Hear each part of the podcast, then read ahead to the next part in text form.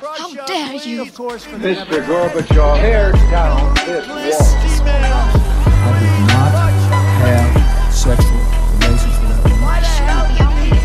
Read my lips. Hell yes, we're gonna take your AR-15. It's your waking AK. up. I have a dream. Thank you. Natt til eh, lørdag 25. juni så ble to personer drept og 21 personer skadet etter skyting i Oslo eh, sentrum. Eh, Det er den 43 år gamle Sanyar Matapour som er siktet for drap, drapsforsøk og terrorhandlinger. Og dette er jo eh, igjen en svært alvorlig hendelse. Eh, eh, dramatisk og eh, traumatisk. Rammer feiringen av pride.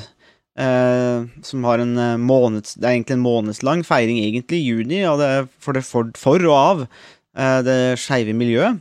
Eh, og dette angrepet har jo da lagt en, en solid demper på feiringen, ødelagt feiringen, gjort at mange i dette miljøet også føler seg utrygge. eh, og at det, det er jo ingen tvil om at dette angrepet opplevdes som et angrep på nettopp de skeive.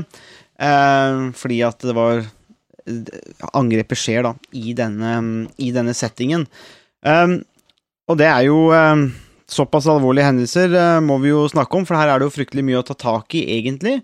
Uh, selv om mye er uavklart, da. Det skal jo også sies. Eh, gjerningsmannen har jo ikke latt seg avhøre, så vi vet jo ingenting konkret om motiv.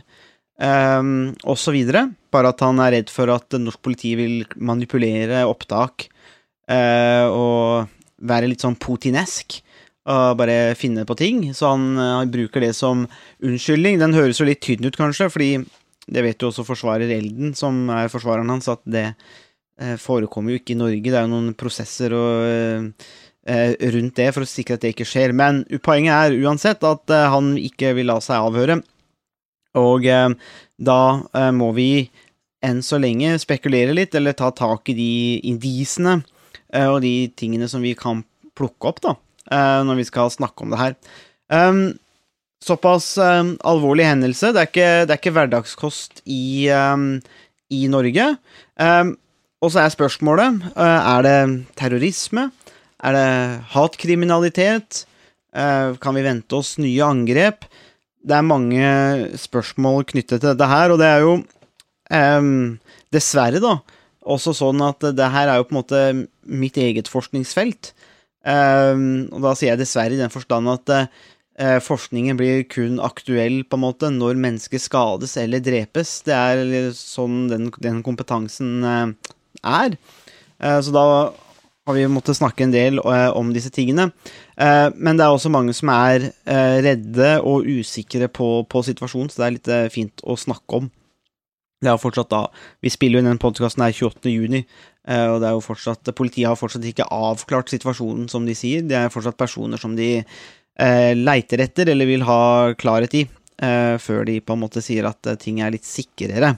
Eh, slik at det er høy beredskap i Norge akkurat nå i slutten av, eh, av eh, juni, og denne pridefeiringen er jo da dessverre på mange måter avlyst, selv om, Harald dette var et poeng som jeg prøvde å få fram på TV2 Nyhetskanalen i går kveld.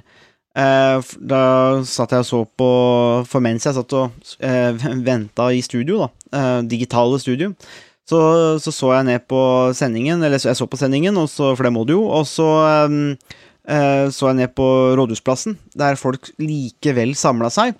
Uh, og så prøvde jeg uansett å gjøre et poeng ut av det på, på sending, at uh, man skal ikke undervurdere kraften og nytten i, da, i denne spontane samlingen.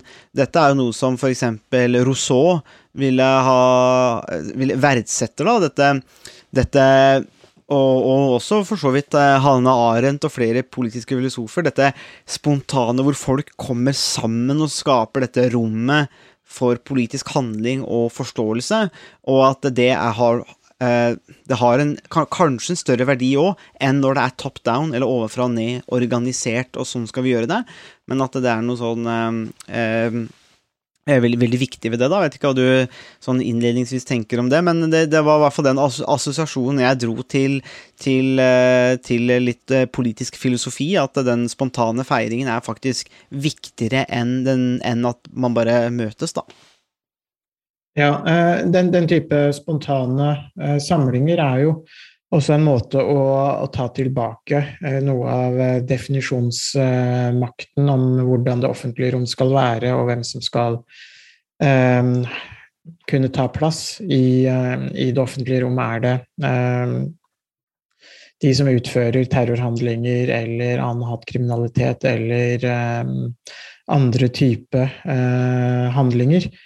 eh, kriminelle handlinger, eller er det vanlige folk eh, og, eh, som, som, skal kunne, kunne, ta plass i det offentlige rom og kunne, kunne bruke det offentlige, offentlige rom? Så sånn sett så er det jo en eh, kanskje en tydelig beskjed om at man ønsker å ta tilbake eh, den eh, plassen, og at man ønsker å bruke det offentlige rom igjen, at man ikke ønsker at det skal være de som begår terrorisme, hvis det viser seg å være det i det tilfellet her, som skal, eh, som skal kunne definere og bestemme hvordan og hvem og hva som skal, det offentlige rom skal, skal brukes til. Og den type offentlige plasser, som Rådhusplassen og andre offentlige rom, er jo områder som på mange måter tilhører eh, alle eh, og ingen, eh, på den, den, forstand at det ikke er noen som har en,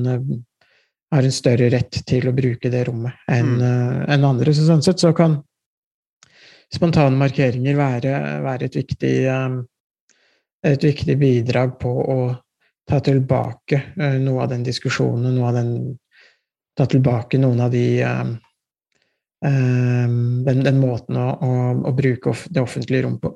Samtidig så kan det jo også være en, en en sikkerhetsrisiko i den type samlinger, hvis, eh, hvis, det finnes andre gjerningsmenn eller andre som også ønsker å begå tilsvarende handlinger, så mm. kan det jo også være en, ligge en fare i, eh, i å samle seg på den måten. Men det er jo også noe av det som terror baserer seg på, å spre frykt og og um, hindre den type, type samlinger. Sånn sett kan man også si at det her er et, uh, et, den type samlinger også er et um, bidrag i kampen mot uh, den type handlinger som vi så i Oslo natt til, til lørdag også. Mm, det er nettopp, den, nettopp denne, det å ta plassen tilbake, og det er jo litt, litt sånn at sivilsamfunnet slår tilbake òg. Altså, tenker jeg. Altså at folk, vanlige folk, gjør det uten noen form for um, ja, at politiet sier at vi kan ikke sikre dere, men på en annen måte så er det en måte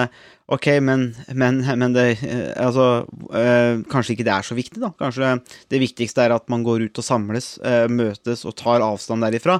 Uh, og det er jo en viktig, en viktig, ting å nevne her med en gang da, er det at øh, hvis vi ser på statistikken, da, så er det jo ikke så fryktelig mange terrorangrep eller terrorister rundt omkring. Altså det, det, er, egentlig ganske sjeldent.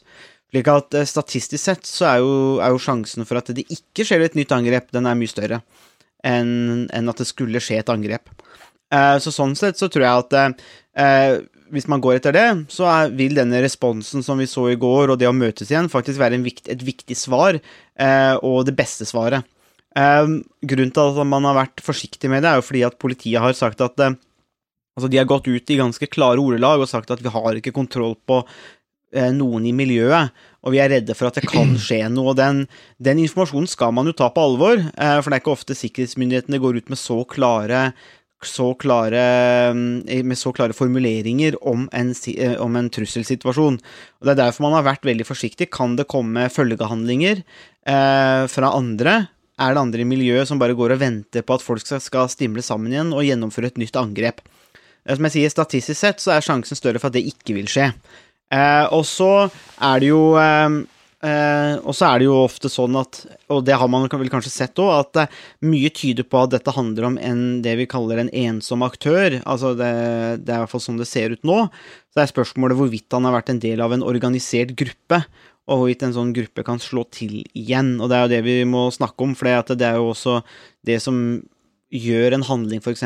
til terrorisme, da vil jo litt avhenge litt av dette miljøet og motivet til, eh, til gjerningsmannen. Eh, men det vet vi egentlig ikke så mye om ennå.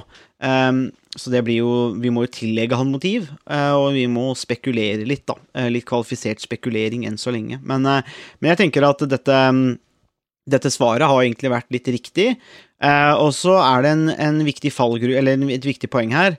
Det er hvis det skulle vise seg i etterkant av en evaluering at for eksempel politiet avlyste eh, eller ba om at de måtte avlyse pride og andre ting uten grunn, da, for å si det sånn. At de rett og slett eh, At det, det viste seg at For det har jo vært litt dårlig kommunikasjon, men man aksepterer grunnen for det. Men hvis det skulle vise seg at det kanskje ikke var helt berettiga eller andre ting, så ville jo det være en kjempesmell eh, for politiet og politiets omdømme i etterkant. Men er det ikke også at uh, denne type handlinger i det hele tatt kan skje uh, igjen? Er ikke det også et uh, nederlag for politiets innsats? Nå har man hatt flere ulike mm, handlinger, om det er terror eller voldshandlinger av ulike slag, fra 2011 og fram til i dag. Det ble jo avsagt dom i den såkalte Kongsberg-saken for ikke lenge siden, Mm. som, hvor det altså er et element av en person som det var delvis kjent for, eh, for politiet, og det gjelder Mm. jo også eh, gjerningsmannen i dette tilfellet. Eh, Så det betyr det at politiet mm, rett og slett ikke klarer å løse den oppgaven og forebygge eller forhindre at den type handlinger eh, skjer. For vi har jo sett det Mm. eh, i flere saker, minst eh, tre-fire i hvert fall saker, eh, de siste, de siste tiåret. Eh, og mm, det skjer igjen og igjen med mm, ujevne mellomrom. Og da kan man jo også stille spørsmålet om politiet mm, rett og slett om, de klarer å løse de, de sakene. For det viktigste er jo å forebygge den type type handlinger. Vi vet jo ikke nødvendigvis om eh, politiet har klart å forebygge noen saker som ikke har nådd offentligheten, men eh, det at det i det hele tatt eh, kan, den type handlinger kan, kan utspille seg, mm. er jo også al alvorlig. Jeg vet ikke hva du tenker om det, Sondre, som terror... Jo, altså jeg tror jo jeg ser justisministeren har jo varsla en, en evaluering av politiet og PST. og jeg, slik det kan se ut nå, så kan det hende at det er, det er noen som får Ikke kommer så heldig ut da, av den evalueringen. For som du sier, da, eh, så har de jo eh, det, det er vanskelig å fange opp eh, hvis det er ensomme aktører, altså enkeltpersoner, så er det fryktelig vanskelig, for hvordan skal du vite 100% hva som skjer oppi hodene til folk? Sånn, det er helt umulig. Eh, eksempler som jeg br har, har brukt både i forskning, undervisning og på TV2 nå, er denne filmen med Tom Cruise, eller boka til Philip K. Dick, da, denne mm, som handler om altså Minority Report. En sånn der forsøk på å, å løse pre-crime, hvor, hvor man går inn og, og, og, og får sett forbrytelser før de skjer, og så skal man stoppe det. Det er nesten litt det samme nivået. Skal man inn på disse personene der, så er det litt sånn science fiction. Uh, og da er spørsmålet hvor mye skal man egentlig som samfunn da sette inn ressurser på å prøve å nå denne, det vi ofte kan kalle en slags illusjon. Altså det, er, det har båret over, da, vet du, uh, i krigen mot terror, så mye at uh, amerikanske noen amerikanske forskere har jo kalt dette i USA for 'chasing ghosts'. At de jakter på spøkelser, for at de ser trusler hvor de ikke finnes, og, det er, og så mister de de reelle truslene. Så vi må bare ha i bakhodet at det her er fryktelig vanskelig, fordi du må bare tenke hvordan kan du vite hva som egentlig skjer oppi huet til nestemann.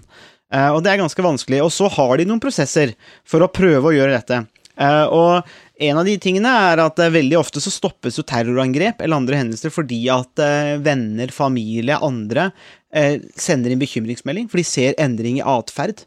Eh, og det har jo skjedd. skjedde jo med Kongsbergmannen, og det har skjedd her. Og så er det ofte at det har skjedd i mange tilfeller, at noen av de som har hatt lyst til å gjennomføre terrorangrep, har skrytt av det. Noen i England skrøt av det på sosiale medier, f.eks., og så ble de bare hanka inn. Eh, og, og, og meldinger, så, og mange av de er, er relativt dumme, så det er lett å fange opp. Og så eh, har de ganske god kontroll over miljøene. Så i Norge så har de egentlig ganske god kontroll over f.eks. islamistmiljøet. Derfor har man jo da sett på denne Arfan Bhatti, da, som blir nevnt i sammen, sammenheng her. Han er en av de personene de ikke har kontroll på. Da er spørsmålet er det, han de mener her, da. Som også la ut en sånn Facebook-melding med brenning av flagg og noen haditer som eh, oppfordra folk til å drepe homofile. og det, det er jo litt derfor man spekulerer i denne koblingen mellom det her, og jeg antar at det er det de mener med dette islamistnettverket eh, til gjerningsmannen her. Em, så man, men så har man dette miljøet. Eh, og så eh, er det sånn at dette har man stort sett kontroll på. Og politiet har jo faktisk i denne sammenhengen her hatt samtaler, og dette er et av de viktigste verktøyene politiet har, med, med personer som man er redde for har voldspotensial og voldsintensjon. Og da går man inn, og de har sikkert overvåkning, eh, og de har gjennomført samtaler. Så her har jo på en måte verktøyene og virkemidlene til politiet fungert. For de har kunnet uh, følge personen, og de har kunnet ta inn til samtale og bekymringssamtale for å finne ut dette. Men så har de da gjort en vurdering på at uh, han ikke er farlig. At han ikke har dette, denne voldsintensjonen. Uh, og så er spørsmålet er det noe vedkommende har fått i etterkant. Har det skjedd noe som har utløst denne voldsintensjonen i etterkant av PSTs arbeid, eller har PST gjort en feil i forkant? Har de gjort en feil? Er det en menneskelig svikt? Er det svikt i systemet der? Men det vet vi jo ikke ennå før måte, evalueringen er gjort. Så, to, så det, det er en måte disse tingene her. For det første så, så er det ikke så fryktelig mange som er ute etter å begå eh, terrorhandlinger eller hatkriminalitet sånn alvorlig. Det Vi sier ofte at, eller i forskningen at radikale meninger er egentlig ganske vanlig, mens eh, de ekstreme handlingene er ganske sjeldne. Pol politisk vold er egentlig ganske sjeldent. Men to, hvis det er snakk om ensomme aktører, eller også i grupper, veldig ofte vanskelig å finne ut, fordi hvor lett kan man egentlig, eller hvor, med, med hvor stor sikkerhet kan man vite hva en person egentlig tenker? Kanskje noen er veldig gode til å skjule det, osv. Og, og for det tredje så har vi det at eh, de, de hadde verktøyene på plass til å fange opp disse, denne personen, for det gjorde de. Men så har det skjedd et eller annet der. Enten en glipp fra PST, eller så har det skjedd et eller annet med gjerningsmannen i etterkant av disse samtalene som har gjort at han har gjennomført angrep. Og det, det, det er det som er litt eh, Men det vet vi jo ikke nå, før vi, før vi har fått Det blir jo bare spekulasjon, egentlig. Her understreker jo også det liberale samfunnets uh, dilemma. Ja. På den ene siden så, så må man eh, for, for å ha et åpent samfunn, så har man ulike, ulike rettigheter uh, som hvert enkelt individ har. Eh, og de rettighetene går ganske langt i å beskytte individet eh, mot eh, inngrep fra offentlige myndigheter og, og andre. Mm. Samtidig så, så under, vil jo også det liberale samfunnet undergraves dersom det er en, en lang rekke eh, voldshendelser eh, som, som det, det vi så nå i helgen, som er med på å, å gjøre det vanskeligere å opprettholde et åpent og, og liberalt eh, samfunn. Eh, så det liberale samfunnet kan jo eh, undergrave seg selv eh, hvis det går veldig langt i å å ikke følge opp eller å begrense eh, handlingsrommet og rettighetene på noen områder. Så hvis det går langt i å begrense en, eh, rettighetene til, til hver enkelt av oss, så vil vi også fjerne oss fra et, eh, et liberalt samfunn. Eh, Så, så her er det et ganske mm, stort dilemma, og det er litt sånn at uh, uansett hva man gjør, så, så vil det kunne, kunne undergrave det liberale samfunnet, enten ved at det forsvinner og går i oppløsning pga. terrorhandlinger og andre voldshandlinger, eller uh, ved at man fjerner seg fra de liberale rettighetene som, og innskrenker de liberale rettighetene som er et helt eh, Eh, som er på en måte det, det fun, virkelige viktige fundamentet for et liberalt eh, samfunn. Så her er det,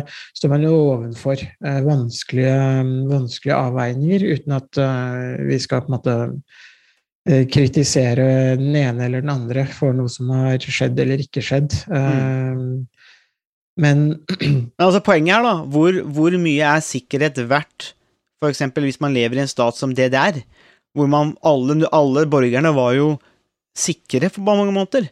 Altså, det var jo en, en, en prosent på oppløste, på løste saker i politiet på sånn langt på 90-tallet, om det ikke var sånn 98-99 eh, hvis det var noe kriminalitet. Men, men spørsmålet er hvis man har et, et, et DDR-statssystem, eh, Stasi som overvåker, hvor mye er egentlig den sikkerheten verdt?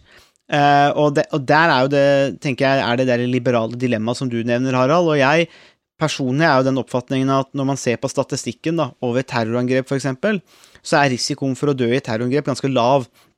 Altså Generelt sett så ligger risikoen under det å bli truffet av lyn. Eh, og, og, skal man dø i sånn type 9-11-angrep i USA, ut fra amerikansk statistikk, så må man fly hver dag i 68 000 år. Det er på en måte det statistikken forteller oss, eh, og sannsynlighetsberegningene.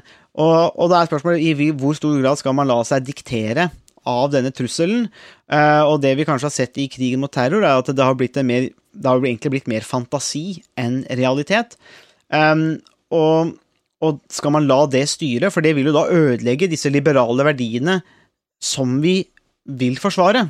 Altså, man kan, ikke, man kan ikke si at man lever i et liberalt demokrati og man har disse verdiene, hvis politimyndighetene har mulighet til å overvåke hvem som helst. Uten, eh, nærmest uten skjelig grunn til mistanke. Altså Hvis de bare kan gjøre disse tingene, så hjelper det ikke på et tidspunkt så hjelper det ikke lenger å snakke om at man er det man sier man er. da. Eh, det blir litt som Putin som snakker om demokrati i Russland. Altså, Ja, du kan, kan ha dumaen og du kan ha andre ting, men på et tidspunkt så har du måttet vanne ut alt, da. Eh, og da spiller ingen rolle. Eh, så det, her, det, det, der er en vanskelig balansegang, og det er jo noe folk må eh, Det norske folk, da, for å bruke en klisjé der, men det må man ta stilling til. Altså, Hva er man komfortabel med, og ut fra disse beregningene, da? Og så er det jo lett å si etter et angrep at hva skulle politiet gjort, og hva skulle de gjort, og sånn, eh, og ikke gjort, og skulle man hatt større, mer midler og sånn, mer bevæpning og sånn, den kommer ofte opp, da, denne bevæpningen, selv om den ikke hjelper overhodet, eh, så er ofte det en ting som kommer fram. Eh, men det, det som jeg tenker, er at politiet her har jo hatt virkemidlene, de har jo hatt verktøyene som skulle til, for de visste jo om personen. Hadde denne personen kommet ut av det blå, og representert et eller annet slags nettverk eller noen personer, eller gjennomført et angrep, og man ikke hadde visst om det i det hele tatt, så hadde jo det vært litt fare på ferde. Men man har jo faktisk visst om det. Man har jo hatt samtalene, så man har jo tydeligvis allerede ressurser nok til å fange opp disse tingene. Så er spørsmålet hva som har gått feil eh, der. Eh, men, men, det er klart, helt til slutt, altså når det kommer til akkurat det punktet der eh, man skal også huske på at uh, ting vil skje i et samfunn som er uønskede. Og så lenge man har med mennesker å gjøre Mennesker kan være uforutsigbare uh, og finne på fryktelig mye rart.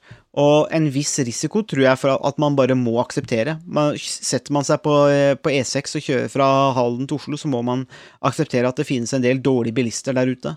Man må akseptere at det finnes en del trailere med dårlig dekk. Uh, som er ganske det er, det er, en del ting som kan skje, og man, som man ikke kan sikre seg mot. Og jeg er litt redd for at hvis man skal forsøke å sikre seg mot hendelser som er relativt sjeldne, så kan man kanskje eh, gjøre at samfunnet blir eh, illiberalt og mindre åpent enn det det burde være, da. Ja. Noen vil jo kanskje innvende at det er en forskjell på lyn og terrorisme i den forstand at lyn det er jo noe man i mindre grad kan unngå. Det er et resultat av uh, vær, og mm. um, man kan jo kalle det værgudene, uh, om man vil. Uh, mens terrorisme er jo noe som, som ikke er tilfeldig, på samme måte som hvor lynet slår ned. Mm. Terror er noe som man kan forebygge, noe man kan unngå i kanskje større grad enn lyn og en del andre uh, uønska hendelser. Så mange vil jo da kanskje tenke at ja, fordi lyn og terror ikke er det samme, og ikke at det er på en måte at man sammenligner epler og pærer. Lyn er noe som er tilfeldig, og som er en del av været, og som vi må akseptere. Eh, mm. Mens terror er noe som er menneskeskapt, eh, og som, eh, som er noe som vi kan, kan unngå. Og, og, det er jo spørsmålet, litt som du var, har vært inne på, på Sondre, hvor langt er det man kan gå for å unngå terrorisme? Mm. For, eller for å, for, å forebygge terrorisme. For i prinsippet, som du også som, som du har vært inne på, så kan man jo, for, kan man jo forebygge og unngå eh, all mulig terrorisme bare ved å ha strenge nok, eh, et strengt nok eh, regime som overvåker oss Mm. på, på ulike måter. Eh, Men samtidig så For, for mange vil jo tenke at det er, selv om det er liten, eh, veldig liten sannsynlighet for å dø i et eh, terrorangrep, så er det også veldig viktig for eh, borgernes opplevelse av trygghet at man eh, kan forvisse seg om at myndighetene eh, sin kamp mot terrorisme faktisk er effektiv. Mm. For en ting er jo hvor ofte det skjer, men en annen ting er jo på en måte den frykten som terrorisme eh, kan spre. Og terrorisme kan jo være effektivt i å spre frykt uten at det blir gjennomført eh, terrorangrep. Så spørsmålet er jo også hvordan er det man kan eh, hvordan er det man kan jobbe med å forebygge eller unngå den type bivirkninger eller Mm. konsekvenser av terrorisme. Fordi terroristene kan jo da på en måte vinne uten å måtte ty til vold, rett og slett fordi at folk eh, blir eh, redde og har en, eh, en frykt, om den er begrunna eller ubegrunna, er på en måte ikke det viktigste så lenge den, den frykten er der. Så hvordan er det man skal håndtere den Mm. type situasjoner, tenker du? Nei, det er, det er veldig vanskelig å si. Jeg bare sier det med lyn, for det er ikke, det er ikke ment som en triviell sammenligning. Det det gir bilde på, er dette at man må ha Altså, det er, det er mange uønskede hendelser. Noen er tilsikta, andre er utilsikta. Det er jo det som er litt av forskjellen her, da. Her, terrorisme er jo tilsikta. Men, men det sier noe om eh, Det setter litt i perspektiv eh, sannsynligheten for det. Eh, for, og, og det er jo litt, litt av det poenget her. Altså, hva er egentlig sannsynlighet for det? Fordi eh, skal man da agere ut fra sannsynlighet, eller skal man agere ut fra hva som kan skje, altså tenke seg bare hva som kan skje. Fordi problemet er at hvis man, forføl- hvis man lar denne tenk, eh, bare tenke fritt hva som kan skje, og litt sånn fantasilinja, så er problemet hvor stopper det? Sånn, Hvor, hvor har man et naturlig stoppunkt, og det, det er jeg litt redd for, at det har man ikke. Men hvis man eh, setter at dette er en akseptabel risiko, og sier at vi, vi har risiko for ting i samfunnet vårt. Terrorisme er en sikkerhetsrisiko på linje med andre typer risikoer, men statistisk sett, hvor farlig er den? Ok, da må vi implementere tiltak i henhold til de sikkerhetsvurderingene, eller de beregningene, da, på samme måte som vi gjør med det meste annet i samfunnet vårt når det kommer til eh, risikovurderinger. Så det er ikke noe sånn det er noe sånn eh, Det er ikke noe nytt, altså. Det er ikke noe revolusjonerende i den forstand. Det er bare det at man sier at eh, Og jeg er ikke den eneste som mener dette, er mange som Særlig de som jobber i, i eh, risikoanalysebiten, eh, i studier, og jobber med ROS-analyser osv., sier ofte at terrorisme bør behandles på samme måte som andre typer risiko eller hendelser, og så bare beregnes ut fra det, og så bør det stilles på det. Eh, man må ta terrorisme litt vekk fra denne, denne pla pla plassen, da. Og så, men jeg tenker, jeg bare satt og så på det, nå har vi bare snakka litt om terrorisme eh, først. Uh, det er jo ikke sikkert at det, det er snakk om terrorisme nå i Oslo. Uh, og, og så er det litt det kjedelige svaret, eller klisjeen som vi alltid må trekke om, vi som er terrorforskere, er at det finnes jo ikke noe klar definisjon på terror. Eller terrorisme, da. Slik at det, er rundt 300 offisielle definisjoner. Du kan velge og vrake. Og man er egentlig ikke enig på fagfeltet heller hva det er man snakker om når vi snakker om terrorisme. Dette er et kjempestort uh, stort, uh, problem. Um, fordi man kan pakke alt mulig inn i terrorbegrepet. Altså, hva er det å skape frykt? Hva er det å skape frykt? Det kan jo være titusenvis av ulike ting. Uh, noen som har en ransbølge av eldre i en bydel, vil jo nødvendigvis skape frykt hos de eldre i denne bydelen, hvis man ikke får fatt på disse personene eller vet hvem man er. Det kan være ulike, en voldtektsbølge, for eksempel. Det kan være alt mulig rart som skaper frykt. Slik at dette med frykt er, er, for meg egentlig en veldig dårlig markør når det kommer til å snakke om terrorisme, for det er veldig mye som kan gjøre det. Eh, og så kan man si hvorfor skaper ikke f.eks. klimaendringer frykt hos mange, selv om konsekvensen av det er mye større enn en terrorangrep. Men hvis vi ser på dette med i Oslo, da, så er det en stor forskjell på om det er en ensom aktør, en person som har gjort det sjøl, eh, kanskje fordi den hater det skeive miljøet, i, i visst tilfelle vi vil snakke mer om hatkriminalitet. Dette med terror handler ofte om det å ha et forsett eller et politisk mål, en ideologi som man vil kommunisere ved å drepe noen, for å sende et budskap til andre. Og det er jo her det er så viktig å få avklart er det et motiv, eller hva er motivet til gjerningsmannen, og er det en kobling til et nettverk, eller både konkret nettverk i Norge eller internasjonalt online, f.eks. Det er jo da vi kan begynne å snakke om handler dette om terrorisme. Altså det er en villet handling for å spre frykt. Eh, på en måte i det skeive miljøet, og kommunisere et budskap til en bredere publikum om at eh, å være homofil er ikke greit, og det kan straffes med døden. Hvis det skulle vise seg å være motivet til gjerningsmannen, uh, og han kanskje er støttet av noen, så kan vi snakke om terrorisme. Uh, for da, da, da, oppfyller vi på en måte litt mer av de kriteriene. men det er ikke terrorisme bare fordi at man går rundt og skyter noen i Oslo en, en, kveld. For man kan jo også være, det kan jo hende at gjerningsmannen sier at dette var en tilfeldighet. At han bare gikk rundt og skøyt. Og da er spørsmålet ok, hva er det da egentlig? Det kan jo være massedrap, masseskyting, uh, hatkriminalitet. Uh, konsekvensene er jo like tragiske og like alvorlige.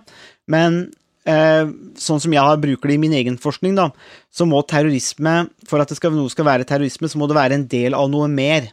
Så hvis man bare har en ensom person, en, en enslig aktør som går rundt og skyter, så da er spørsmålet hvordan kan man knytte dette til terrorisme som fenomen bredt forstått internasjonalt? Altså hvordan knytter man det til Al Qaida, til IS, til Boko Haram for eksempel, eller IRA, eh, ETA?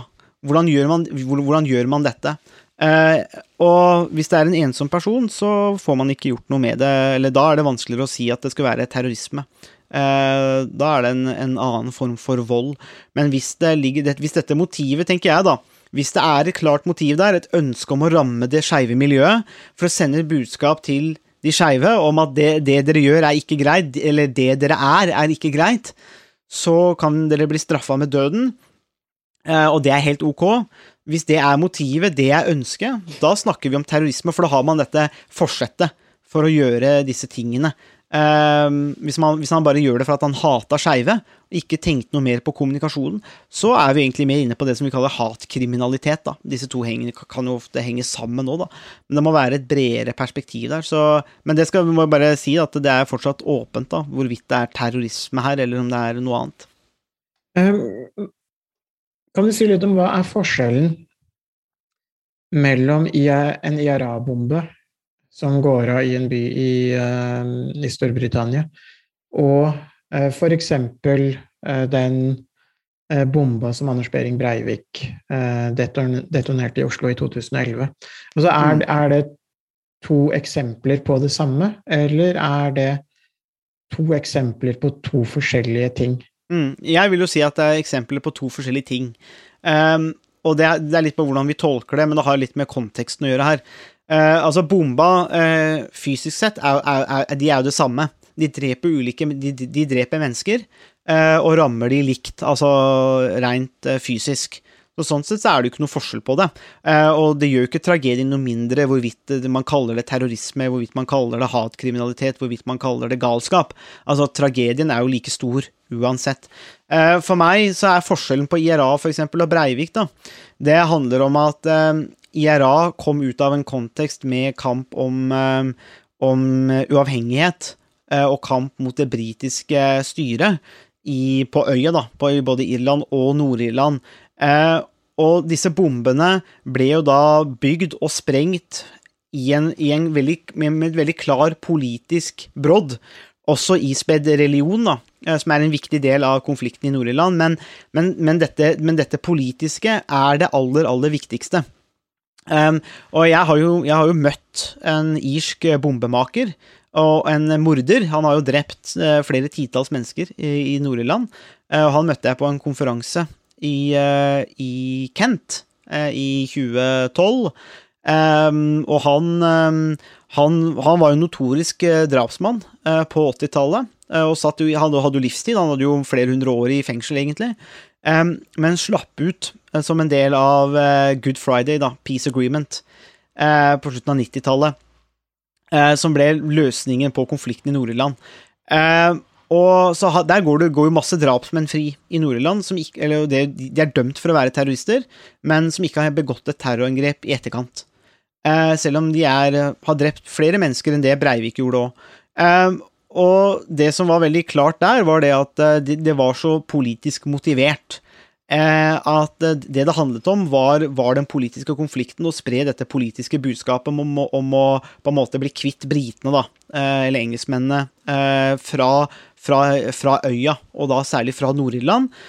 Eh, det som skjedde, var det at med den fredsavtalen, eh, blant annet, eh, og, litt over tid, så var det mange som Og at Sinn Fein kom inn og fikk, også fikk forhandla, og man, fikk, man kom litt vei der, var det at mange av disse oppdaget at man kunne, opp, man kunne oppnå politiske mål på en annen måte da, enn å, enn, enn å sprenge bomber og drepe folk, og at det faktisk var mer effektivt når man kom inn i de mer ordna politiske kanalene. Så oppnådde man mer enn hvis man begikk vold.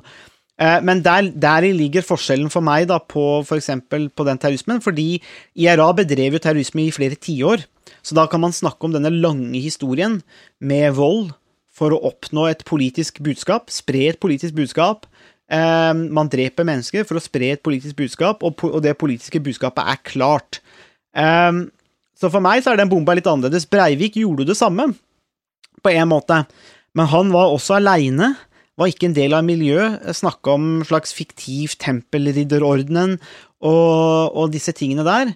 Ehm, og for meg så er de to tingene da litt forskjellige, da. Eh, og det som er litt viktig å da nevne, er det at grunnen til at det er viktig, er det at virkemidlene for å bekjempe det er forskjellige. Eh, fordi at eh, hvis man vet at IRA setter av bomber og dreper mennesker for å oppnå politiske mål, da har de en, en slags politisk Da har de politiske mål man kan forhandle om, altså potensielt snakke om. Og Det var jo det som skjedde i Nord-Irland, at man begynte å snakke om disse tingene, og så ledet dette fram til en fredsavtale som har fungert siden. Eh, tror ikke man kan diskutere det samme med Breivik. Der er det null og niks å hente.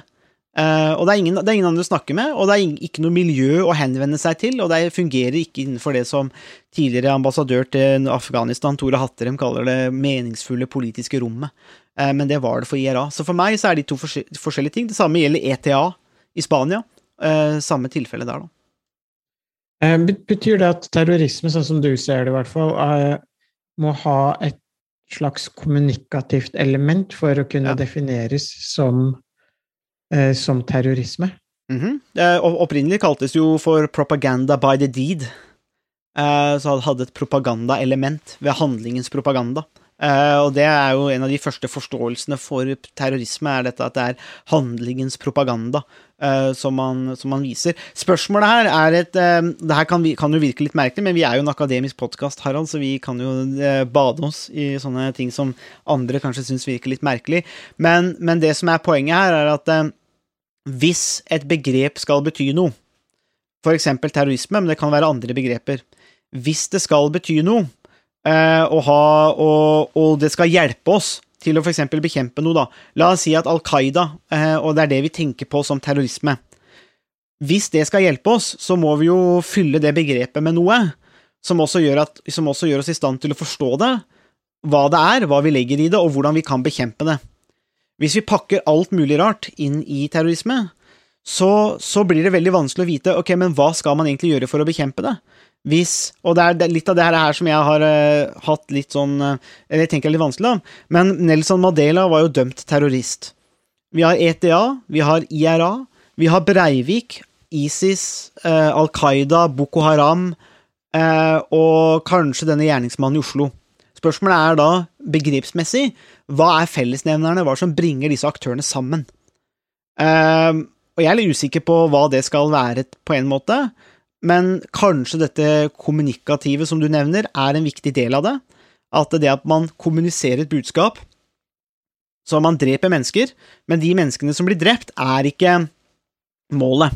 Målet er publikum rundt, som oppfatter og tolker situasjonen og kanskje blir redde, og korrigerer atferden sin på ulike måter. Det er målet med handlingen. Eh, Så det må være denne spesifikke målet, da. Man, vil kommunisere et budskap, eh, og det må være klart og tydelig. Det er det man ønsker å, å, å, å, gjøre. Og det er jo det som da skiller terrorisme fra tilfeldig vold. ikke sant? Eh, hvor man bare Eller kriminalitet, da. Hvor man bare gjør ting for egen vinning, for eksempel. Hvis man hadde drept personer her, det var to personer han ville drepe fordi han skyldte de penger, for eksempel, så ville det vært en annen form for kriminalitet. Selv om det skjedde under pride. Så, men vi vet ikke noe om motivet ennå, så det er, det er jo derfor vi må få vite noe om det. Men eh, helt klart, det kommunikative er jo en viktig del av det. da. da de som er interesserte, kan jo lese boka til Ronald Crellinston om, om terrorisme og propaganda, så han er jo en av de forskerne som pusher det argumentet hardest. da. Men hvis, hvis en uh, organisasjon da uh, innser at terrorisme faktisk er den mest effektive måten å kommunisere budskapet, det politiske budskapet de ønsker å fremme, altså, hva, hva er det da under Altså, di- dilemmaet der er jo egentlig Hvis man ser det fra organisasjonen sin, eh, sitt perspektiv, så kan jo det at det er en effektiv kommunikasjonsstrategi være med på å legitimere Mm. bruken av terror. Mm. Men samtidig så er jo det virkemidler som er eh, eh, Ja, jeg vet ikke hva man skal kalle det. Det er jo virkemidler som er altså Det er jo forbudt, men det er også umoralsk i veldig stor, eh, stor grad. Men nytten vil jo da veie opp for eh, den hva skal jeg si, den, de, de ulempene eller de, eh, Mm. det som taler mot å bruke terrorisme. Ja. Eh, Så gevinsten vil jo da være større. Eh, Men er ikke det også et litt problematisk perspektiv? Mm. Det, det er, og det er et kjempegodt eh, poeng, egentlig, hvis, eh, hvis det er sånn at bruk av terrorisme er det mest effektive virkemidlet for å kommunisere budskapet. Um, det som er problemet med det, er jo det at veldig, de gruppene som for så vidt har prøvd, da, vi kan jo kanskje si at Al Qaida er en av de, så blir man jo knust. Og dette vet jo disse personene egentlig veldig godt, at hvis du For hvis du pirrer en stat lenge nok, så er voldspotensialet til staten den er jo, og den er jo mye, mye, mye større. Uh, og til, på en viss, en viss grad så gambla vel egentlig Det var jo egentlig kanskje det målet til Al Qaida og Osama bin Laden nå, å faktisk måtte invitere USA til å knuse de, fordi at det ville bidra til å radikalisere enda flere, fordi man fikk nok en vestlig invasjon av et muslimsk land. Eh, Så var vel, de var jo kanskje såpass kyniske da, at de ønska det velkommen. Eh, Men, men, eh, men terrorisme utgjør jo aldri noen trussel for en stat. Altså, Vi kan snakke om statens sikkerhet, men det er ingen trussel mot Norge, for eksempel, fra terrorisme. Altså, Terrorisme kan ikke knekke en stat. Voldspotensialet til de, i hvert fall velfungerende stater er mye, mye større. De har monopol på makt, og de har ressurser til å gjennomføre det. Så Derfor så ser man jo ofte at i mange tilfeller så enten så blir jo disse terrorgruppene knust, de som eh, driver på med det. Det ser man med Al Qaida, for eksempel. IS. Det har jo også blitt knust på mange måter, selv om de, det ulmer litt der. Eh, vi har også de tamilske tigrene i Sri Lanka, hvor eh, de på et tidspunkt gikk vekk fra forhandlingsbordet. Eh, og når forhandlingene brøt sammen, så benytta jo lankesiske myndighetene muligheten til å rett og slett utradere de. Eh, og det ble jo et massedrap der, eh, men da tok de muligheten til det. Eh, så jeg, men, det, men det vi ser, ser, da, er det at for de gruppene som, forhold, som holder på det, på det synet, så ender det stort sett bare med død og ødeleggelse. Og de er såpass kyniske, mange av de, og, og rasjonelle, at de bruker terrorisme for å kanskje som et virkemiddel for å åpne opp for forhandling òg. Altså man forsøker å vise makt og styrke for å komme til forhandlingsbordet. Fordi at det er tross alt mer rasjonelt. Også fordi at det vi ser, er at i land hvor eh, det er en balanse her, skjønner du, fordi at eh, terrorgrupper er uansett avhengig av eh, støtte fra, fra en befolkning. Altså du kan ikke operere i et vakuum. Selv IS måtte ha støtte fra altså passive grupper da, i området. Derfor så lot de jo store grupper i Syria og Irak som de kontrollerte, få lov til å være i fred. Og vi har jo faktisk forskning som viser at ikke-voldelig motstand mot IS fungerte, fordi at det, det var grupper og landsbyer og områder som hadde eh, kunnskap og ressurser som IS trengte i sin kvasistat, som de ikke kunne eliminere. Og så da måtte de bare stille da måtte de bare akseptere at de dreier på der. Så vi har faktisk forskning som, eh, fra området som peker, som peker på at ikke-voldelig motstand faktisk fungerte. Eh, det handler litt om, eh, om dette som Hanna Arendt har snakka en del om, det der med å gi makt og få makt, men å, å ha, ha power eller bli empowered, altså det å bli gi makt. og man kan ikke Man kan ikke på, uh, regjere over asken, da. Uh, og for de som har sett Game of Thrones, så er det på en måte der Daenerys Targaryen ender opp til slutt. Du har all makten i verden, men du har ikke støtte. Og når du ikke har støtte fra noen, da har du egentlig ikke makt heller. Og det er egentlig ganske mange terrorgrupper eh, og organisasjoner ganske klar over. At eh, du kan tøye det et visst stykke, men mister du folkets støtte, eller mister du støttespillere, så er du veldig utsatt. og Derfor så er det mange av disse gruppene som Ja, terrorisme kan være rasjonelt for å kommunisere budskap på ett tid, men som oftest så, har, så går disse over da til forhandlinger istedenfor. I hvert fall de som har konkrete politiske mål. da. Med IS litt annerledes, Al Qaida annerledes, fordi at de hadde litt andre mål. Men eh, både i IRA, ETA i Spania eller Baskeland f.eks. har man sett dette ANC eh, i Sør-Afrika som også gjennomførte mange terrorangrep og Nelson Mandela. Der brukte man jo det som et brekkmiddel egentlig inn, eh, men hvor man klarte å ha en overgang til politisk styre. Det var jo ingen som trodde at Nelson Mandela kunne bli en president, f.eks. Han var jo en terrorist. Eh, men, men, men en gang terrorist er altså ikke alltid terrorist, da. Eh, viktig å ha med. Så ja, det kan være en effektiv kommunikasjonsstrategi, men for grupper som har, lyst, har andre mål, politiske mål, så tror jeg det er en sånn kortsiktig strategi, da. Eh, for å signalisere et budskap. Mm, veldig interessant. Eh, men betyr det da også at altså mange, mange, grupper, sånn som ANC, IRA, ETA, eh, e som du har vært inne på nå, de har jo en De snakker jo om at deres støttespillere, eller de de representerer, er utsatt for undertrykkelse. og at den undertrykkelsen på en måte rettferdiggjør i å bruke så ekstreme eh, midler som å sprenge bomber eller an, andre former for, eh, for, terrorisme. Er ikke det også en litt problematisk måte å, å, tenke på, hvor man setter lidelse blant ulike grupper opp mot hverandre, eller er det altså man kan jo si at eller er det en legitim måte å, å, å jobbe på politisk? Å bruke terrorisme? Ja. Eh, nei, altså, det er jo kriminalitet og vold. Uh, så at det vil jo for så vidt være illegitimt, tenker jeg. Altså, det er jo mhm. ulovlig. Men, men, samtidig så vet vi jo at det skjer, og vi vet jo at stater bruker terrorisme. Statsterrorisme, det er jo der begrepet egentlig kommer fra og overgrep fra oven, rett og slett, altså fra den franske revolusjonen, egentlig, med myndighetenes overgrep mot egen befolkning. slik at statens overgrep er jo egentlig det som ligger i kjernen av terrorisme eh, der, da. Men jeg tror det at eh, går man f.eks. til en konflikt da, som i Nord-Irland, så er det en politisk konflikt hvor man har valgt å bruke Altså, eh, britiske myndigheter bruker vold setter jo inn krigsveteraner og andre med mye traumer, og de gjennomfører jo voldsomme overgrep mot befolkningen der. Eh, dette blir også svart med da etter hvert. Eh, det er jo et politisk opprør, det så man jo i Irland da noen år før, eller på starten av 1900-tallet særlig. Og så får man det, det, det, dette opprøret i Nord-Irland, hvor man bruker terrorisme.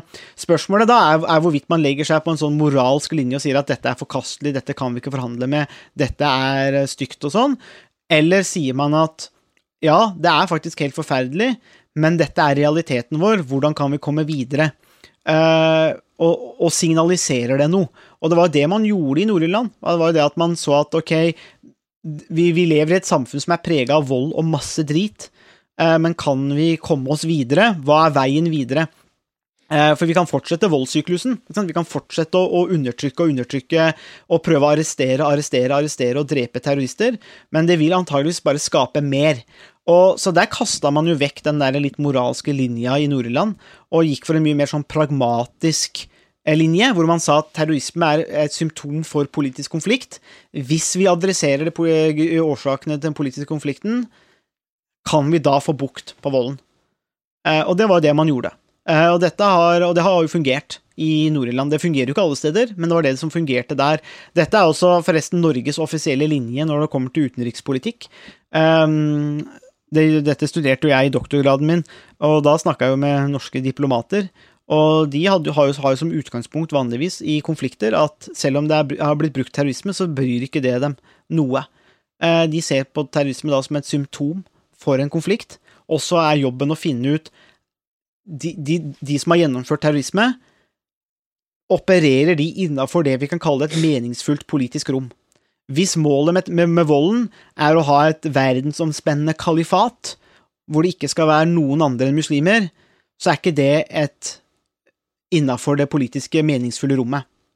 Hvis målet er å oppnå bedre rettigheter for befolkningen, slutt, stoppe overgrep fra myndighetene, få inn penger eller få inn mat, så sier tradisjonelt norske myndigheter at ok, men det er innafor det politiske meningsfulle rommet, det kan vi jobbe med. Hvis dere slutter med terrorismen, så skal vi jobbe med myndighetene for å oppnå de kravene dere har. Uh, og det er ofte sånn man da jobber. Og det man fant ut kanskje i Nord-Irland, var at det var faktisk rom Det var et ønske om å gå vekk fra volden, tross alt, og finne andre måter å kanalisere de politiske konfliktene på, som partene aksepterte, da. Uh, men dette må man jo inn og, og vurdere, da, ikke sant. Og uh, ja, med IS så var det, det, det, til dels ganske vanskelig i områdene. Al Qaida var jo, var jo det umulig, men det er et viktig skille der, så man må, tror jeg, som utgangspunkt være villig til å legge vekk det moralske og si at uh, der, og ha et mer pragmatisk politisk syn til, på hva dette er. Det er likevel forkastelig, men jeg snakka jo med flere norske diplomater og politikere, Erik Solheim, Tore Hatterem, Vidar Helgesen, som hadde sittet på tvers av terrorister. Folk de visste hadde drept masse mennesker, var ansvarlig for enorme lidelser, uh, og de var hyggelige nok, de. Uh, men de tenkte ikke noe over på en måte, De la ikke det til grunn. Det som var poenget, var kan vi komme videre? For rett og slett fordi at man kan jo ta dette moralske argumentet og si at disse tingene skal aldri skje, men samtidig så skjer jo politisk vold. Man har jo politisk konflikt. Og det, er en realitet i mange steder, mange steder, i verden, og det må man da gjøre noe med. Uh, men da regner jeg med, Harald, at du, du, du hører jo her også en forskjell i hvordan jeg definerer terrorisme, uh, som er mye mer politisk betinga, da eh, og grunnlagt i disse organisasjonene. og Derfor så er jo jeg alltid Jeg er nok litt mer skeptisk til dette terrorbegrepet kanskje når det kommer til ensomme aktører.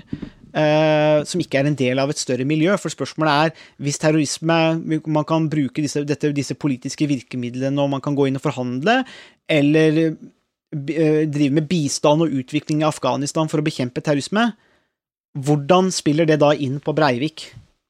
Eller er det to forskjellige aktører? Eller er det å begå vold for å spre frykt en fellesnevner som kan spenne fra Al Qaida og Nelson Mandela og ANC til Breivik? Og rent akademisk så veit jeg ikke om det gir mening. Altså, hvis du følger med på den der jeg, Det kan godt hende jeg på en måte tar feil og ikke har funnet måte, de rette svarene ennå, men jeg vet ikke om de fellesnevnerne er nok, hvis vi skal være veldig analytiske på det. Uh, og så kanskje det finnes bedre, bedre begreper da, uh, for det her. At uh, La oss si at Breivik også kanskje, og gjerningsmannen i Oslo er hatkriminal... Massedrap motivert av hatkriminalitet. Altså kanskje, jeg vet ikke. Men, men jeg, er litt usikker på, på måte, de bindingene der, da. Hvis du ser den ja, der. Kan, kan, du si litt mer om hva er forskjellen på hatkriminalitet og terrorisme?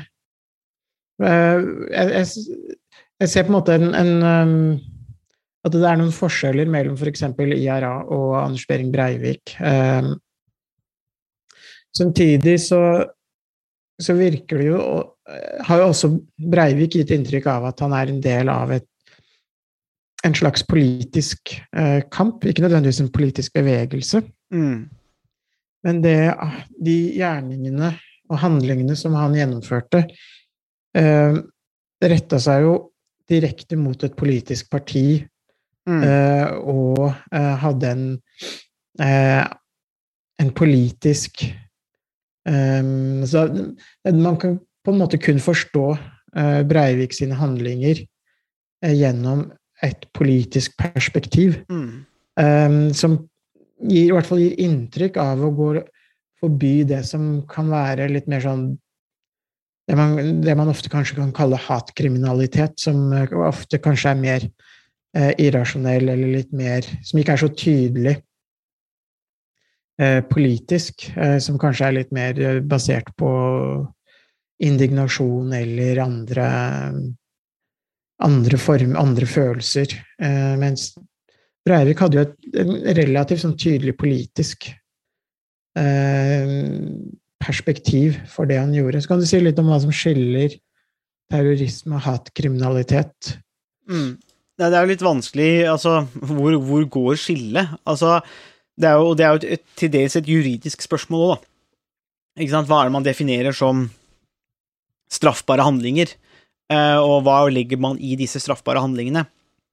Eh, hatkriminalitet handler jo ofte om eh, straffbare handlinger, da, som helt eller delvis da er motivert av negative holdninger, fordommer, f.eks. For mot hudfarge, eller, eller, om du er skeiv eller ikke, da. Dette med, med kjønn, kjønn og så videre. Um, og da er spørsmålet Jeg er jo ikke helt sikker på det rent juridiske, hvordan det er i Norge, men det er klart at det, det er jo ofte da um, type former for kriminalitet som kroppskrenkelse, trusler, skadeverk, eh, som regnes som grove, men det er jo under drap, da. Eh, ikke sant? Slik at det handler jo ikke om dette med, med Og terrorisme kobles jo kanskje ofte til nettopp disse handlingene, sånn som vi så nå i Oslo. Da sier man at eh, hatkriminalitet kan jo være kanskje mer sånn trakassering og, og alvorlige hendelser, men, men, ikke denne terrorismen, da. Men det som vil skille det, er jo det at eh, igjen, dette terrorismen er jo, er jo da ja, hvor, hvor, legger man definisjonen, da? Men for, eh, fordi at hvis man snakker om det at terrorisme handler om å skape frykt, eller få noen til å gjøre det ellers ikke ville gjort, altså basert på denne frykten osv., så, videre, så veit jeg ikke helt hvor skillet skulle gå mellom det og hatkriminalitet, f.eks. For, eksempel. for hvis noen agerer på hatkriminalitet, eller, eller, eller på hat, da jeg, Man hater eh, Folk i Fredrikstad hater serpinger. Så går man etter disse eh, Man dreper de ikke, men det er masse krenkelser hele veien. Det er jo en viss fare for at uh, disse menneskene da ville følt seg redde og vært i frykt for å gå til nabostedet. Så jeg vet ikke helt hvor det skillet skulle, skulle da gjøres uh, mellom disse tingene. Men så har vi et annet begrep da, som vi kan kaste inn her, og det er jo ekstremisme. Ikke sant? Og snakker da om høyreekstremisme, for eksempel. Politisk eller ja, og voldelig ekstremisme. Er det det vi egentlig kanskje snakker om når det kommer til for eksempel Breivik? Fordi denne ekstremisme er jo en slags paraplybegrep for ulike handlemåter eller ideologier preget av ytterliggående holdninger, særlig da i politiske spørsmål. Så en ekstremist kan jo da utvise eller være tilhenger av veldig ytterliggående holdninger, og det kan vi jo kanskje si er, er Breivik. Han var ganske ekstrem i sitt syn, og på et tidspunkt så ble han voldelig.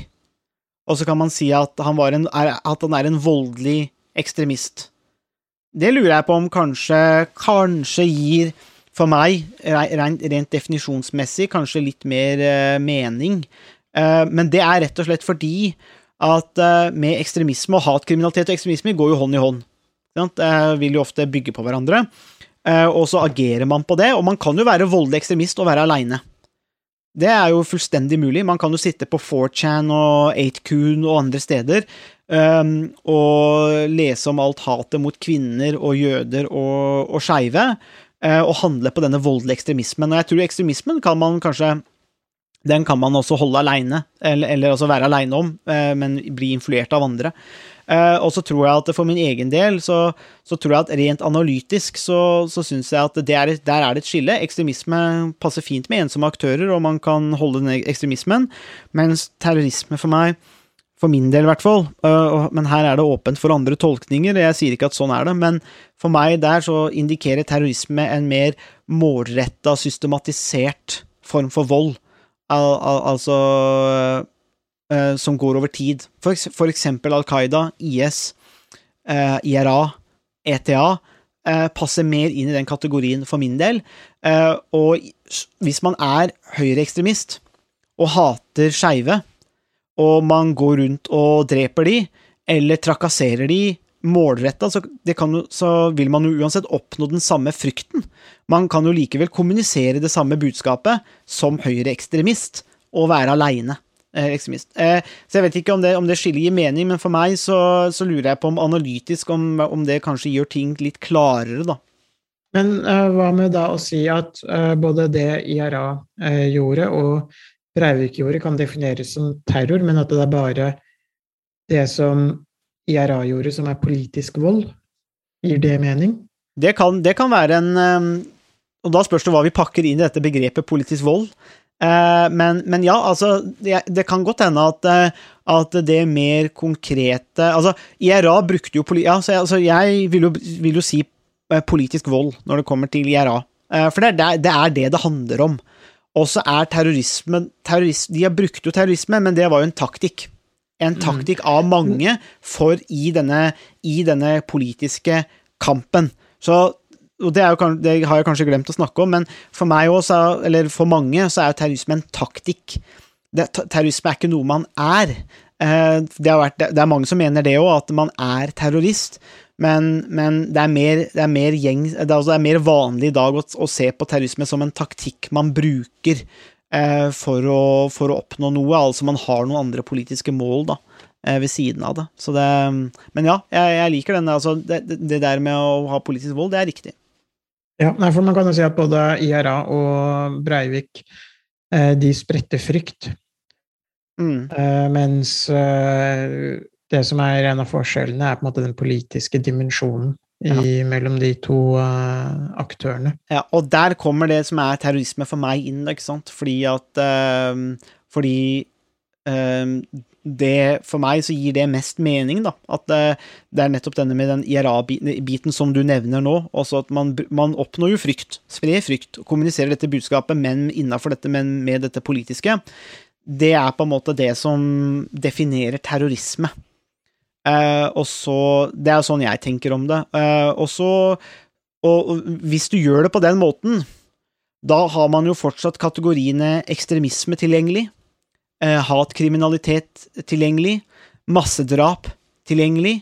Man kan, kan kvalifisere disse kategoriene, for de er tilgjengelige. Um, og, og det tenker jeg gir mening, og det, altså må jeg bare si at grunnen til at jeg også gjør det skillet, er det at etter 2001 så har vi ført en krig mot terror. Og hvis vi skal føre en krig mot terrorisme basert på særlig mot Al Qaida, så må jo det bety noe. Da kan vi ikke pakke alt mulig annet inn i det samme begrepet. Fordi at da vil jo virkemidlene aldri treffe. Altså hvis man skulle da man går til krig mot Al Qaida og, og terrorisme i, som et fenomen, og så sier man en del år etterpå at nei, det er terrorisme og enkeltpersoner der og noen der og noen der og noen der, da er jo spørsmålet ok, men hva er denne krigen mot terror for, da? Hva er alle disse ressursene som vi bruker for å bekjempe terrorisme for, hvis vi bare kan uh, smekke alt inn i dette begrepet? Da blir det veldig sånn rotete, det blir veldig grøtete. Uh, så det er litt på bakgrunn av alle de ressursene som vi har brukt på, på å bekjempe terrorisme, som også er en, en del av bakgrunnen for hvorfor jeg ser på den måten her, da. Uh, og det som uansett er viktig å si, er at rent faktisk så blir jo ikke tragedien mindre av at noen blir drept i et terrorangrep, eller noen blir drept av en massedrapsmann. Altså, tragedien er jo den samme. Altså, den kriminelle handlingen, at du har drept noen, er jo like alvorlig. Og så er spørsmålet, men hvis vi sier at det er terrorisme, så indikerer det at det er noe mer, altså det er noe underliggende vi må ta tak i. Vi må få tak i de tingene der, og kan vi gjøre det? Men hvis det bare handler om en ekstremist som hater noen mennesker, vel, da er det ikke så mye å ta tak i i det underliggende miljøet, kanskje. Hvis det er en enkelt person, da, ikke sant. Så da, kan man, da er det enklere å skille disse tingene, da. Så Ja, det er veldig- spennende å diskutere på hva som ligger i, i selve begrepene. Her er, her er det jo mange begreper som eh, eh, er aktuelle, Mm. uh, og um, som eh, må defineres. Og det er jo kanskje også noe av det som, uh, som gjør det komplisert. Eh, hva- Å definere eh, selve begrepet terrorisme også, fordi det, det er avhengig av hva man legger i andre begrep som ekstremisme, politisk vold eh, og, videre. mm. Og det er kanskje med på å gjøre det mer komplisert. Og det, når man da skal sette det inn i en sånn strafferettslig og juridisk eh, kontekst også, eh, så, så må jo disse begrepene fylles eh, og være konkrete, og de må operasjonaliseres på en måte som gjør at man eventuelt kan dømme noen for terrorisme hvis eh, hvis man ønsker å bruke det som et juridisk begrep. For det er jo som du sier, det er, så det er jo kriminelle handlinger som Mm. rammes av straffeloven, uavhengig av om det er terrorisme eller ikke. Eh, Så, for det er jo drap og vold eh, som, eh, eh, som er eh, forbudt uansett om det er terrorisme eller, eller ikke. Mm. Og det, Vi har jo ikke tid til å snakke om det i den episoden her, for den har jo blitt ganske lang allerede. Men det som er ut, den utviklingen som kom særlig fra 2005 og utover, det er jo radikaliseringsdebatten. Og den kompliserer jo dette her en hel del, fordi at den tar inn mulighetene for å kriminalisere holdninger, meninger og tanker. Og da er man jo plutselig i spørsmålet ok, men hvem skal definere hva slags holdninger og meninger som er kriminelle, som kan lede til terrorisme, eh, og så må du da settes i fengsel eller straffes for kriminelle handlinger. Og da har man jo åpnet en sånn slags Pandoras boks, egentlig, eh, for, for, disse tingene. For da blir det enda vanskeligere å skulle begrense det og si at eh, ja, det er radikalisering, og så blir man dømt for terrorisme på grunn av noe man kanskje har tenkt eller uh, vurdert, men ikke gjort. Uh, og det, det kompliserer ting, disse tingene en hel del til, da. Så nå har vi på en måte bare det har, det har kanskje vært en lang episode for lytterne våre, og vi har snakket om en del kompliserte ting, men vi har fortsatt egentlig bare det er egentlig mer en slags innledning, introduksjon til debatten, for det her, er, det her er fryktelig komplisert. Og det kan vi jo bare si, si sånn helt sånn avslutningsvis òg, er jo det at det er, denne radikaliseringsdebatten har egentlig overtatt en del for terrorismeperspektivet. Eh, så eh, vi som jobber med sånn bekjempelse av terrorisme, Uh, og jeg skriver jo en bok om det, uh, og det kapitlet jeg skriver nå, handler jo også om hvordan radikalisering har overtatt for terrorisme på mange måter. Altså nå er det ikke lenger Man er ikke lenger så interessert i terror terrorister som Osama bin Laden og den typen der. Nå er det disse som radikaliseres, og særlig på nettet. Altså de som går fra å ha stadig mer ekstreme meninger til å omsette dette til vold. da. Uh, denne radikaliseringen. Uh, men det er en fryktelig, fryktelig, vanskelig debatt, og det er jo også det, det som uh, evaluering og etterforskning må vise da, med denne gjerningsmannen i Oslo. Jo, har det vært en form for radikalisering? Det, har han blitt utnyttet, kanskje? Av sentrale personer på bakgrunn av sin psykiske tilstand, f.eks. Altså, det er mange ulike ting da, som, som, vi må se på her, men radikalisering vil komme opp, så vi må nok snakke om det i en episode òg. om hvordan folk, folk kan, kan, radikaliseres til å begå slike typer handlinger. Da. Men det, det, er en komplisert debatt igjen. Så episoden er vel lang nok som den var, tror jeg, Harald. Så jeg tror vi kan kanskje avslutte vi, vi, kan sette, vi, kan sette, strek der, selv om vi egentlig bare skraper litt i overflaten ja. på mange av de begrepene her. Vi eh, tror vi gjør det, og så kommer vi sikkert tilbake til eh, denne saken. Men da ble det i hvert fall en god, en god time om, eh, om, om, terror, og det, det er faktisk første gang på SOS. Men det er en viktig anledning å snakke om det, og så er det som sagt mye å lese rundt og, om, om, dette stoffet her, og, og reflektere litt rundt dette begrepet. det er forresten Eh, et sitat fra terrorforskningen eh, som var inspirasjon til vår første episode eh, i SOS for flere år siden. Et kjent sitat fra en amerikansk forsker, forsker som ble spurt om hva terrorisme var, og så sa han at terrorisme er som pornografi. Du vet hva det er når du ser det. Takk for at du hørte på Statsvitenskap og sånt. Har du spørsmål, kommentarer eller tilbakemelding, så er det bare å ta kontakt på vår Facebook-side, per e-post eller brevdue. Musikken er som vanlig laget av Robin Horvath, og Mats Halvorsen mikser og redigerer podkasten. Vi høres!